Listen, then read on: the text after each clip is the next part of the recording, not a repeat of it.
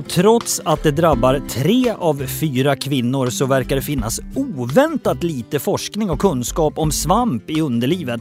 Det finns eh, många anledningar till att dra sig för att ta tag i och kolla upp när det börjar svida, klia, flyta och bränna i underlivet.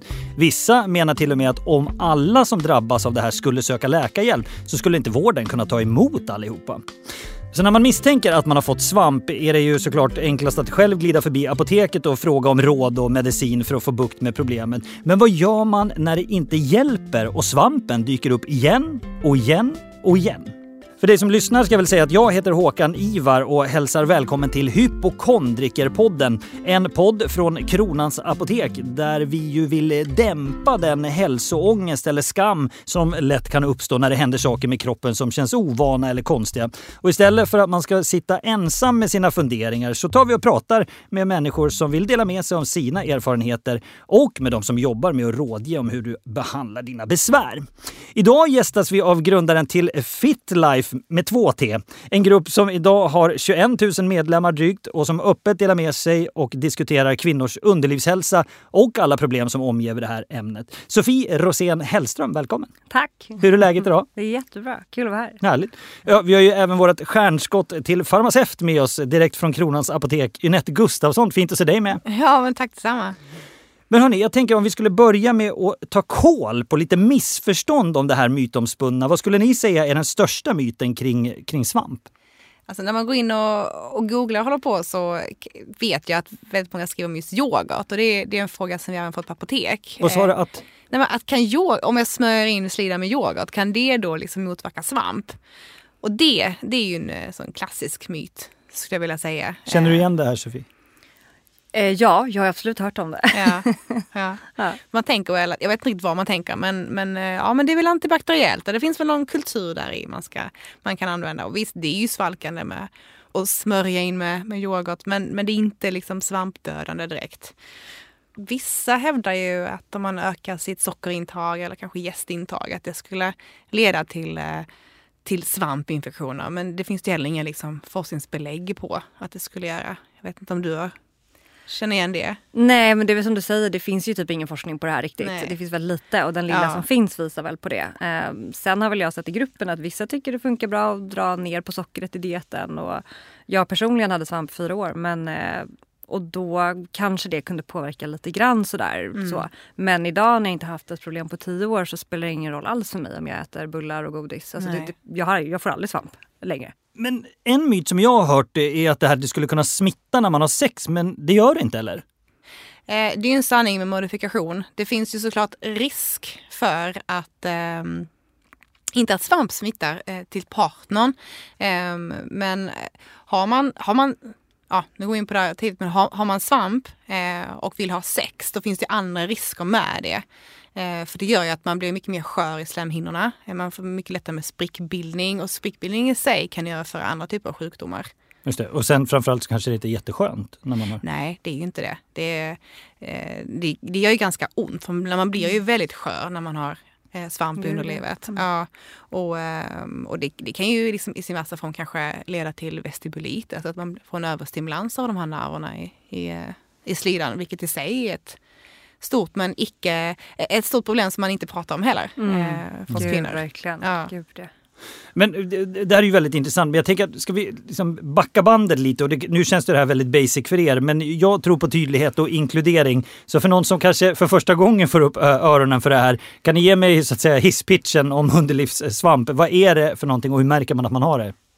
Mm. Eh, svamp underlivet eh, beror ju på gästsvampen Candida albicans, tror uttalas. Så, bara för att man är farmaceut men inte bäst på alla uttal, men något sånt. För ni fick Eh, latinlektioner. Exakt, fick inga latinlektioner under utbildningen. Eh, Men, och det här finns ju naturligt i, i alla våra tarmar. Eh, och precis som du sa tidigare så finns det även hos många i, i slidan. Och det är ju när den här balansen rubbas som vi kan känna av denna svampen tydligare. Vi känner inte av den i vanliga fall, den bara existerar där tillsammans med alla våra bakterier som vi också har.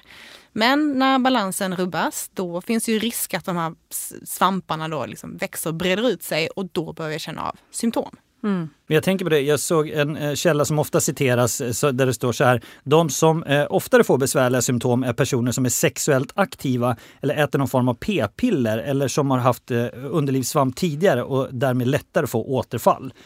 Vad, vad är dina reaktioner på ett sånt citat? Eh, nej men jag blev jättechockad. För, för, mig, för mig personligen var det väldigt såklart att svampen kom för mig när jag började ta p-piller. Mm. Det var väldigt tydligt. Jag träffade min gamla dåvarande pojkvän, var utomlands, var där i flera månader, hade sex både skyddat och oskyddat.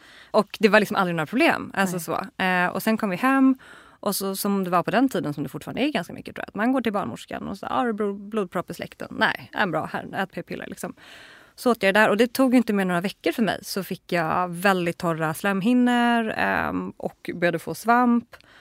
Och jag la ju ganska relativt snabbt ihop, i alla fall några månader, att liksom, det var ju det här som hände. Mm. Men jag träffade ändå upp till fem tror, olika barnmorskor och gynekologer innan. Liksom, det var den femte som sa till mig, du ska inte äta det här, sluta med det. Men när vi sen då startade Fitlife, som du introducerade, som jag driver med Susanne, en kompis. Som är en grupp eh, Exakt, vi är en Facebookgrupp Facebook precis. Eh, där vi framförallt bara så här, öppet för att samtala om såna ämnen. Underlivsbesvär, sex, ehm, eh, utbilda oss själva. Alltså det finns så mycket kunskapsbrist där ute om allt från menscykel, eh, fertilitetsförståelse. Alltså det är så mycket som ingen kan. Men det var i samband med det som du började inse det här med p-pillerna också? Ja precis, för när vi skulle starta Vidla så började jag liksom, ja, just läsa på som sen forskning och vad finns och vad finns inte och sådär. Och då kollade jag just på de p-pillerna jag åt på okay. fass.se, alltså FASS kan man ju läsa. På bipacksedeln? Exakt, det finns det ju att läsa och då såg jag så här, nej men jaha, här står ju det, upp till 10 får svamp som biverkning av de här p-pillerna. Jag bara, men att ingen sa det. liksom. ja. eh, så det var ju bara lite skönt för mig själv. Och bara, men okej, det, det står ju faktiskt där. Men det är ju, 10 är ju ändå ganska mycket. Ynette, vad är din erfarenhet när folk hämtar ut eh, p-piller? Hur ofta frågar de som hämtar ut dem om biverkningarna? Nej, de frågar ju inte, inte jättemycket kring biverkningar för p-piller. Jag tror att att när man hämtar ut sina p-piller så förväntar man sig nog att sin gynekolog eller sin läkare har eh, diskuterat inte bara vad som händer i kroppen utan faktiskt också eh, läkemedlet i sig med, eh, med patienten. Och det gör ju också att när vi expedierar läkemedel så har vi en skyldighet att se till att, att eh, kunden i vårt fall då vet eh, om eh, vad man ska ta, varför man tar det och då liksom eventuella biverkningar. Ehm, och jag tror att de, de frågorna vi egentligen får när det gäller p-piller, det, det är kanske mer, men vad händer om jag missar en tablett? Ja, just det. Så mm. att det har mer och mer risken för att bli gravid att göra än vad det har med andra biverkningar att göra. Och jag tror också att ganska många inte kanske har koll på att det är inte så att barnmorskan eller läkaren är läkemedelsexperterna, utan det är ju faktiskt farmaceuterna som är experterna på just läkemedlet i sig. Eh, vi är inte experter på att diagnostisera, men just läkemedel är vi ju väldigt duktiga på, för det är det vi har läst in och studerat. Mm. Men jag tänker, alltså, du hade ju ungefär fyra år någonting med kroniska besvär och det känns ju rent ut sagt förjävligt. Mm. Det tycker jag det låter som. Men minns du, kan du liksom ge en bild av något specifikt tillfälle när du hade de här besvären när det var som värst? Hur, mm. Vad är det vi pratar om? Nej men det var, jag har verkligen en sån väldigt tydlig minnesbild som jag har berättat om för andra också. Men just det här att eh, vi skulle vara på Mallis vet jag med familjen. Jag har ju tre bröder också. Och med, liksom, ja, med kusiner och alla. Och min bror skulle komma ner senare och jag hade svamp, det blossade upp ordentligt där borta. Och liksom jag var tvungen att ringa honom och hämta ut någon himla, vad det nu var, någon medicingrej. Eh, bara liksom att be brorsan när man är liksom 20 någonting hämta ut det känns jobbigt i sig. Ja, och sen var på den här semestern och det var så illa då så att jag kunde inte ens ha på mig bikinitrosor. Jag hade ju på mig en sån sarong, alltså typ som en kjol bara liksom. Eh, och kunde inte bada särskilt mycket. Eh, jag kommer ihåg alla var ute och festade någon kväll. Jag låg verkligen så här hemma i min säng och typ Led? Och, ja, och, och grät. Alltså verkligen på den nivån. Ja. Eh, det var verkligen...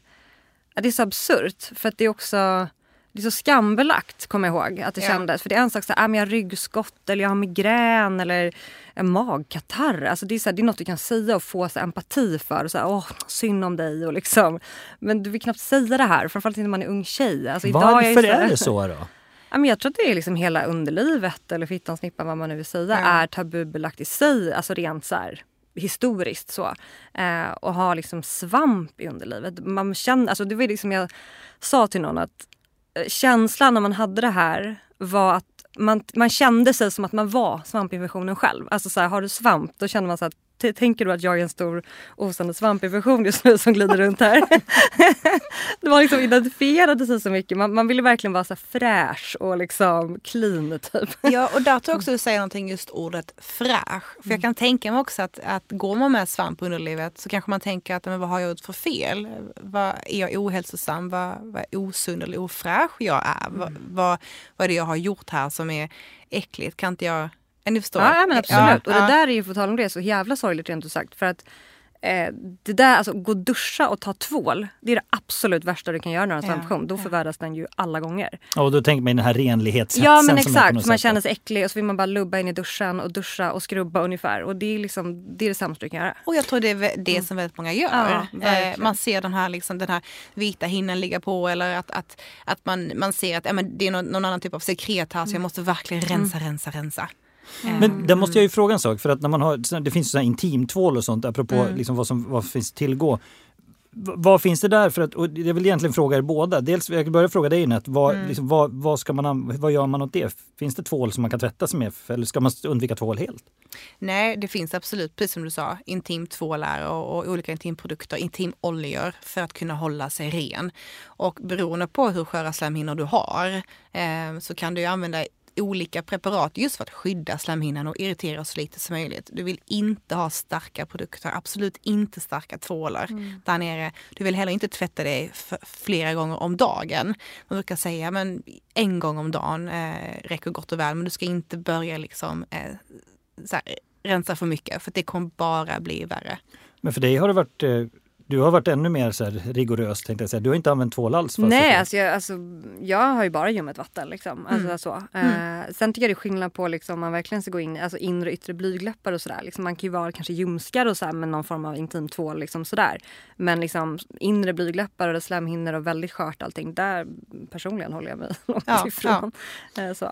Men då när det var som, alltså under de fyra åren så vet jag att jag till och med var tvungen att när jag liksom tvättade håret och sköljde av håret så var jag tvungen att liksom hålla huvudet ut med dusch, alltså att det inte rann ner från ryggen och så Just ner det. den vägen. Mm. För det kunde absolut trigga. Ja, det, eh, liksom det enkla kunde alltså... Det lilla oj. absolut trigga. Wow. Liksom så. Mm.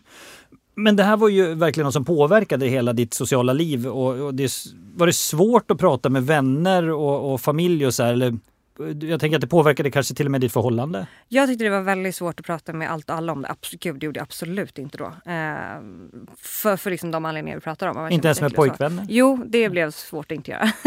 Fast det har jag förstått så här, sorgligt nog att de flesta gör kanske inte det. Alltså så här, för mig, jag var väl 19, mellan 19 och 23 när vi var tillsammans och eh, hade en väldigt bra relation och hade en väldigt öppen relation och han var väldigt ja, men så stödjande och väldigt fin och lyssna. Alltså verkligen stöd i det här.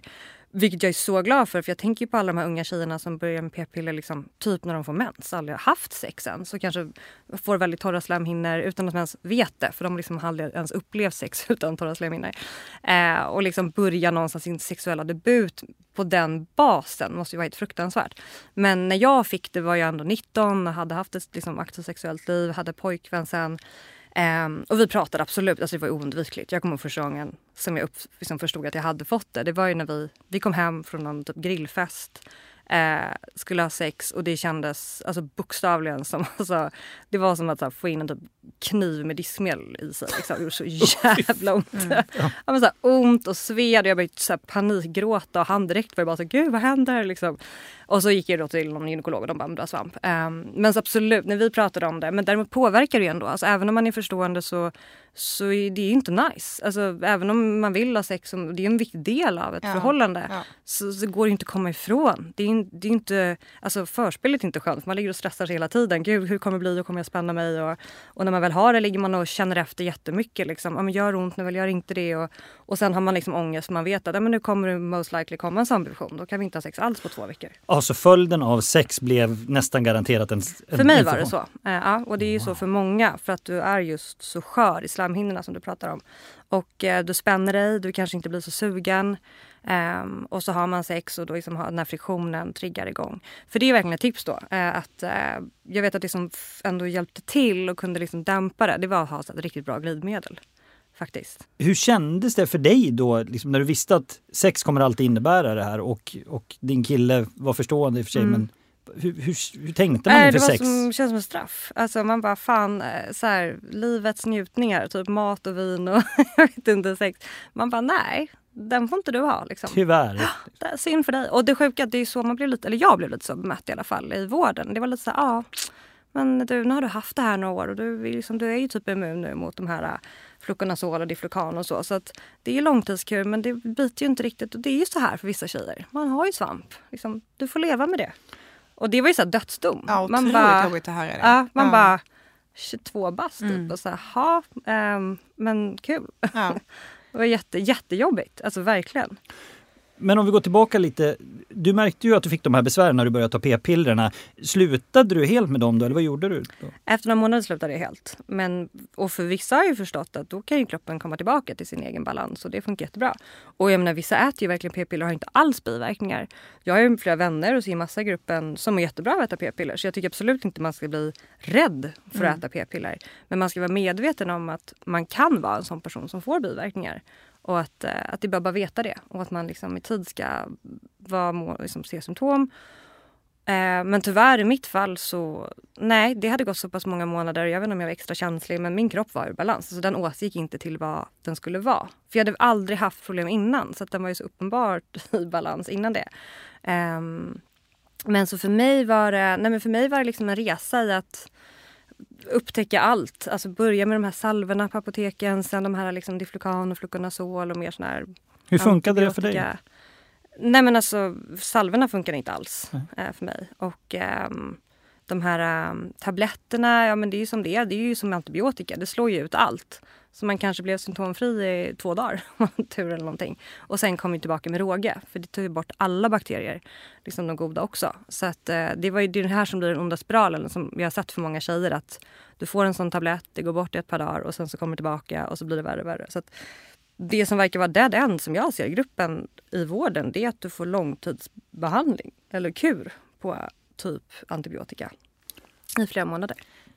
Men kan inte du berätta, vad är Diflucan och Fluconazol?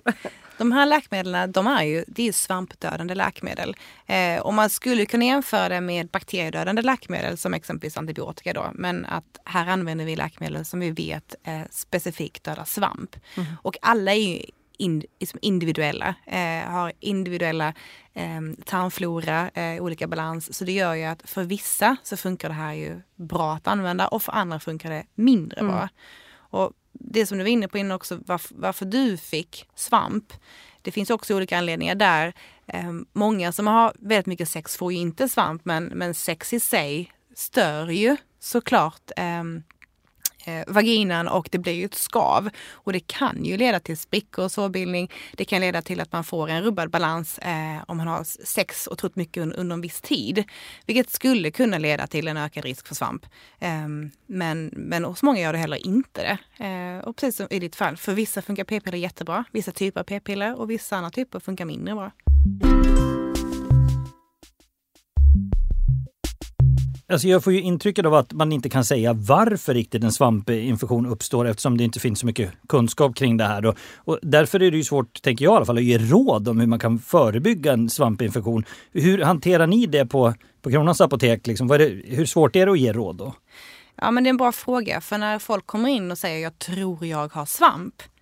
Då, blir vi, då drar vi direkt öronen åt oss och börjar fråga varför tror du att du har svamp? Och försöker lyssna in anamnesen och alltså eh, patientens berättelse då kring eh, vilka symptom de har eh, och liksom händelseförloppet egentligen. Eh, och det vi skulle vilja var ju att de faktiskt då, då vi rekommenderar dem att faktiskt söka en barnmorska eh, eller, alltså söka vården och, eh, och få det bekräftat. Ehm, och en del kommer in och säger att Nej, men jag, jag vet att jag har svamp, eh, vad kan jag behandla mig med? Och då finns det ju såklart en uppsjö av behandlingar att ta. Vi var inne på det lite tidigare med, med tabletter och kapslar för, eh, för slidan och olika krämer. Och, och svamp ser det ju inte riktigt hur stort och brett det är. Och man, man vet ju om att det, den ytan man ser som är svampinfekterad, du har ju liksom en ganska stor yta runt om den också som är svampinfekterad som du inte ser. Mm. Så att väldigt många kanske inte smörjer hela området, de smörjer delar. De kanske bara tar vagatorier och inte smörjer eh, runt om som ett exempel. Ja, men det, eh, där tänker jag att det är där typ rådgivning kommer in så man vet hur man ska... Och där kan vi då, precis, där kan vi då komma in och förklara lite hur, hur, hur det fungerar för att försöka hjälpa till i de, eh, i de avseendena och också försöka ge rekommendationer kring vad man kan göra för att det ska läka ut. För ofta kan ju svamp läka ut av sig själv. Um, och det är jobbigt att säga ofta här när jag vet att vissa har kroniska besvär väldigt länge. Men för många är det så att det läker ut av sig själv, att kroppen tar hand om det själv. Och då kan man ju försöka minska att, att uh, cykla väldigt mycket under den tiden eller ha mycket sex under den tiden. Uh, gå med tajta, tajta kläder och, och stringtrosor som många av oss tjejer ofta mm. gör. Just för att bara låta området vila. Försöka undvika att duscha med tvål um, och, och försöka tänka på att, att låta det vila helt enkelt. Men det, jag förstår att det finns många tankar kring det här och jag förstår att det var jobbigt för dig Sofie också att prata om det här även bland nära vänner. Då. Men sen bestämde ju du om vän för att lyfta det här mm. ämnet på något sätt och startade just den här gruppen Fitlife. Eh, hur, hur kommer det sig att ni startade den? Eller ja, det? men det kom sig just av att jag pratade egentligen bara med min pojkvän och min mamma om det här eh, när jag hade problem faktiskt. Um, för det var även då i mitt umgänge ingenting man pratade om. Alltså man satt ju inte på middag bara, någon annan som har svamp eller? Bara, för fan. Alltså det var ju verkligen så här, nej, pratar man inte om. Eh, men så träffade jag just Susanne då som hade pluggat med och så jobbade vi tillsammans på ett jobb. Och eh, men så här, vi lunchade och snackade och insåg att hon och jag hade väldigt lika resor. Hon hade också problem med det här. Hon hade också dessutom rätt mycket problem med eh, urinvägsinfektioner. Och det som slog oss båda var hur otroligt befriande och skönt det var att snacka med någon annan som, hade, som var i samma situation. återigen det här bara stödet, bara känslomässiga, emotionella stödet. Det behöver liksom inte komma med någon lösning. Bara att få prata med någon som vet hur det är liksom var väldigt, eh, ja, det var väldigt stärkande kommer jag ihåg. Och vi kände också att men gud, vi kan inte vara ensamma om det här och började liksom söka lite på det och insåg att det här är väldigt vanligt. Var det då eh, ni bestämde er? Ja, men, eller då, då växte idén. Men sen så kom ju allt annat emellan med livet. Yeah. Saker och ting. Men sen så ja, vi började bygga en hemsida och sen så lanserade vi gruppen framförallt i typ november tror jag, 2017. Eh, och då var det bara som att släppa en bomb. Alltså, vi var ju såhär, ja det är kul om några hundra är med. och sen har det bara spridit sig som en löpeld. Så nu är det, alltså, den växer ju hela tiden. Mm. Vad var det största ni märkte? När ni tror? Eh, att det verkligen är någonting som folk Alltså det är ett problem där ute. Alltså det är någonting som folk lider av, alltså folk har problem och folk har ingen att prata med. Och man vet inte riktigt, framförallt alltså om du har så återkommande besvär så vet man inte vad man ska göra riktigt. Eh, och där kan det behövas liksom, att man får de här alltså en stärkande historia av någon. Och det kan säga, nej men jag vet inte om det är vetenskapligt bevisat men det funkade för den här personen eller de här personerna. Alltså så här, man behöver lite stöd crowds, eller vad säger man? Ja, man behöver lite hopp och lite stöd mm. och liksom ett så här, the good example, typ att man kan komma ur det för att man blir väldigt hopplös eh, i det där någonstans. Men också att bara Alltså för att känna sig normal. Alltså folk pratar ju om sex och alltså det är allt möjligt i den här gruppen. Alltså lite där, vi brukar skoja om det. Så alla frågor som alla tjejer tänker på men som ingen vågar fråga. De ställs där. Eh, för det är väldigt nisch, alltså det är väldigt tydligt. Det är det vi pratar om. Eh, Sådana frågor och mens och sex och ja, så. Det låter väldigt härligt, väldigt behövligt. ja, och nu är ni ju 21 000 medlemmar drygt och växer fortfarande. Vad, vad skulle du säga, kan du utkristallisera några av de så bästa tipsen som ni har lyckats samla ihop er tillsammans i den här, och dela med er i den här gruppen? Nej men det kommer ju tips hela tiden högt och lågt. Men, men just som du var inne på, alltså så här, många tycker att det hjälper att inte duscha, inga tvålar, lufta, sova liksom utan trosor till och med eller bomullstrosor. Um, vissa tycker det funkar att äta mindre socker, andra inte. Uh, det här med p-piller är ju verkligen eye-opener för många. Att så här, va? Kan man få svamp av det? det är liksom, de flesta vet faktiskt inte det. Eh, sen återigen, jag eller vi är inte emot p-piller. Eh, jag har massa kompisar återigen som äter det och funkar jättebra. Men bara att så här, vad, vad med, alltså ska, det är så här, man kan inte göra ett informerat val om du inte har kunskap om saker och ting. Och vet du inte ens hur din menscykel fungerar, att det är en kommunikation från hjärnan mellan dina liksom reproduktiva könsorgan, då, då kan du inte ens ta ställning till om du vill äta till exempel p-piller för att du vet inte vad det innebär i praktiken. Så vi vill att folk bara ska få kunskap och sen kan man göra ett mer informerat val. Jeanette, vad ska man annars tänka på tycker du? Har man svamp så egentligen steg ett att faktiskt kolla försöka se varför har jag svamp. Det är otroligt skönt om man kan relatera det till exempelvis en läkemedelsbehandling man tar. Eh, ett annat klassiskt exempel, eh, förutom p-piller, är ju antibiotika. Att man kan mm. få svamp av antibiotikakurer. Eh, och om man hittar en anledning, det är alltid skönt, för då kan man ju påverka den anledningen till att minska på svampen. Minska risken för att fortsätta ha svamp, eller hur jag ska uttrycka det. Och sen också som vi har sagt tidigare, att under tiden man är svampinfekterad faktiskt försöka, och den tiden man faktiskt behandlar sig själv då, om, man nu, om, man, om det har gått så pass många dagar att man måste behandla sig, att, att undvika att ha tajta kläder, eh, undvika att ha sex för att mm. inte sen förknippa det rent psykiskt med smärta. Eh, för det finns ju så mycket annat som kan hända. Det kan bli en ond spiral känner jag. Otroligt ond spiral och jag tror det är, det är ett kapitel för sig, men man ska ju aldrig ha sex om det gör ont. Kan vi ju verkligen Det kan vi ganska överens om. Ja. Eh, och, och, ja, men och, och som sagt, tänka på um, att då inte, um, exakt det du har sagt mm. egentligen. Mm. Men sen för det, jag tänkte också på det att um, som du var inne på, det finns väldigt lite forskning. Men ja. den lilla forskningen som finns visar väl också på att, att stress som allt annat här i samhället förvärrar ju allt. Typ. Den där jäkla stressen, ja, det kokar alltid ja. ner till stressen. Ja. Svart mål. Ja. Men den har och det kan jag verkligen se tillbaka till också. Att när jag hade perioder av stress så blomstrade det gärna upp värre. Liksom. Och det ser jag väl också att många så här, ser. Så, alltså, så här, generellt så tycker jag att eh, att liksom, kroppen har ju inte så järnmurar runt organen utan vi är ju en kropp som... Alltså, allt hör ju ihop någonstans. Och försöka Får man det återkommande framförallt, har man svamp någon gång, ja men det kan väl läka ut av sig själv och tar man någon kur eller så.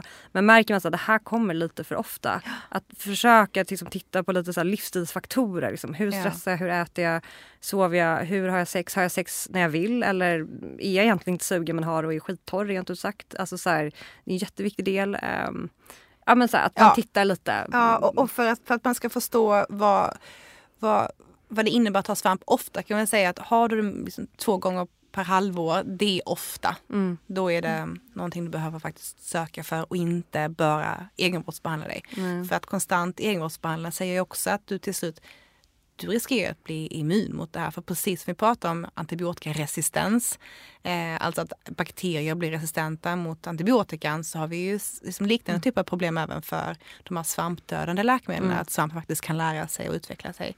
Det var nog där jag hamnade, för de hjälpte inte till slut, eh, kände jag. Mm. Men idag är du symptomfri Sofie? Ja, och det var, det, gud, det är så mycket jag inte har sagt. det var därför vi också startade FitLife. För att vi kände att, eh, ska jag vara helt ärlig, precis när jag kom ur det och kände liksom hade varit ett, två år utan besvär. Alltså man var ju bara så här, skönt, I'm out liksom, on the good side och bara kan njuta av sex igen och känna sig fräsch och härlig och allt vad det Men var du rädd då någon gång att du skulle komma tillbaka? Eh, ja, absolut. Första året framförallt var man ju så här, Ja. Gud typ tippade på tå kring sig själv och bara, är det sant? Men hur länge är det nu som du har varit utan? Eh, nästan 11 år. Och då är jag faktiskt gravid med tredje barn och har all, alltså då får man ju oftast eh, svamp naturligt. För man så. Precis. Men det har jag inte Precis. ens då haft. Så att, eh, jag är helt, ja, jag är mm. fantastisk, mm. jätteglad. Men för att vara helt ärlig så första åren där så kände jag ganska, men man var lite ego och bara så här, yes, jag är ute, the good side, lycka till. Alla andra. So long, Verkligen, I'm done. Men sen så väldigt snabbt landade mig att säga, men gud, jag kan ju inte vara, för jag var ju väldigt mycket, jag skulle säga att så här, ja men vad, vad säger man, ett så här, um, eh, hopplöst fall. Ja. alltså, ja, nej, men det här blev din, så här, nu, det har gått så många år, det, det, är inget som biter, du, du får nog ta det här. Liksom. Eh, och sen att gå från det och så pass, alltså på slutet var jag nästan kronisk, alltså jag hade det så mycket. Den hopplösheten. Ja, jag. extrem. Och, liksom så. Eh, och sen att faktiskt gå och nu i då över 11 år, så nu kan man ändå säga att det finns ett track record på att det inte kom tillbaka.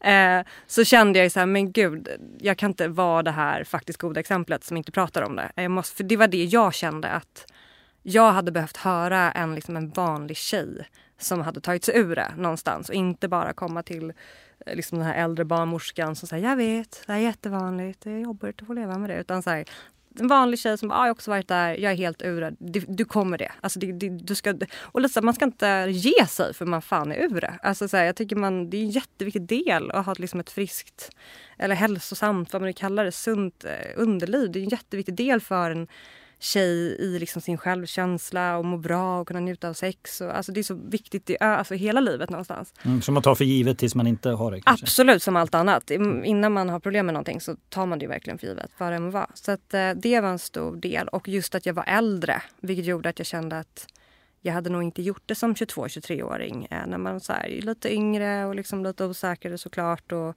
men jag menar, idag är jag så här, två barn och gift. Alltså, I början var man ju så här, får man bli svampsofie med hela svenska folket? så han bara, jag tar den. alltså, man bryr sig inte så jävla mycket. Eh, så. Utan det är för en väldigt viktig del. Och jag får ju så, eller både jag och Susie får ju fantastiskt fina mejl av folk som är såhär, du har räddat mitt liv, jag har liksom, känner mig så mycket mindre ensam, jag vågar ta mm. tag i det här för en gångs skull.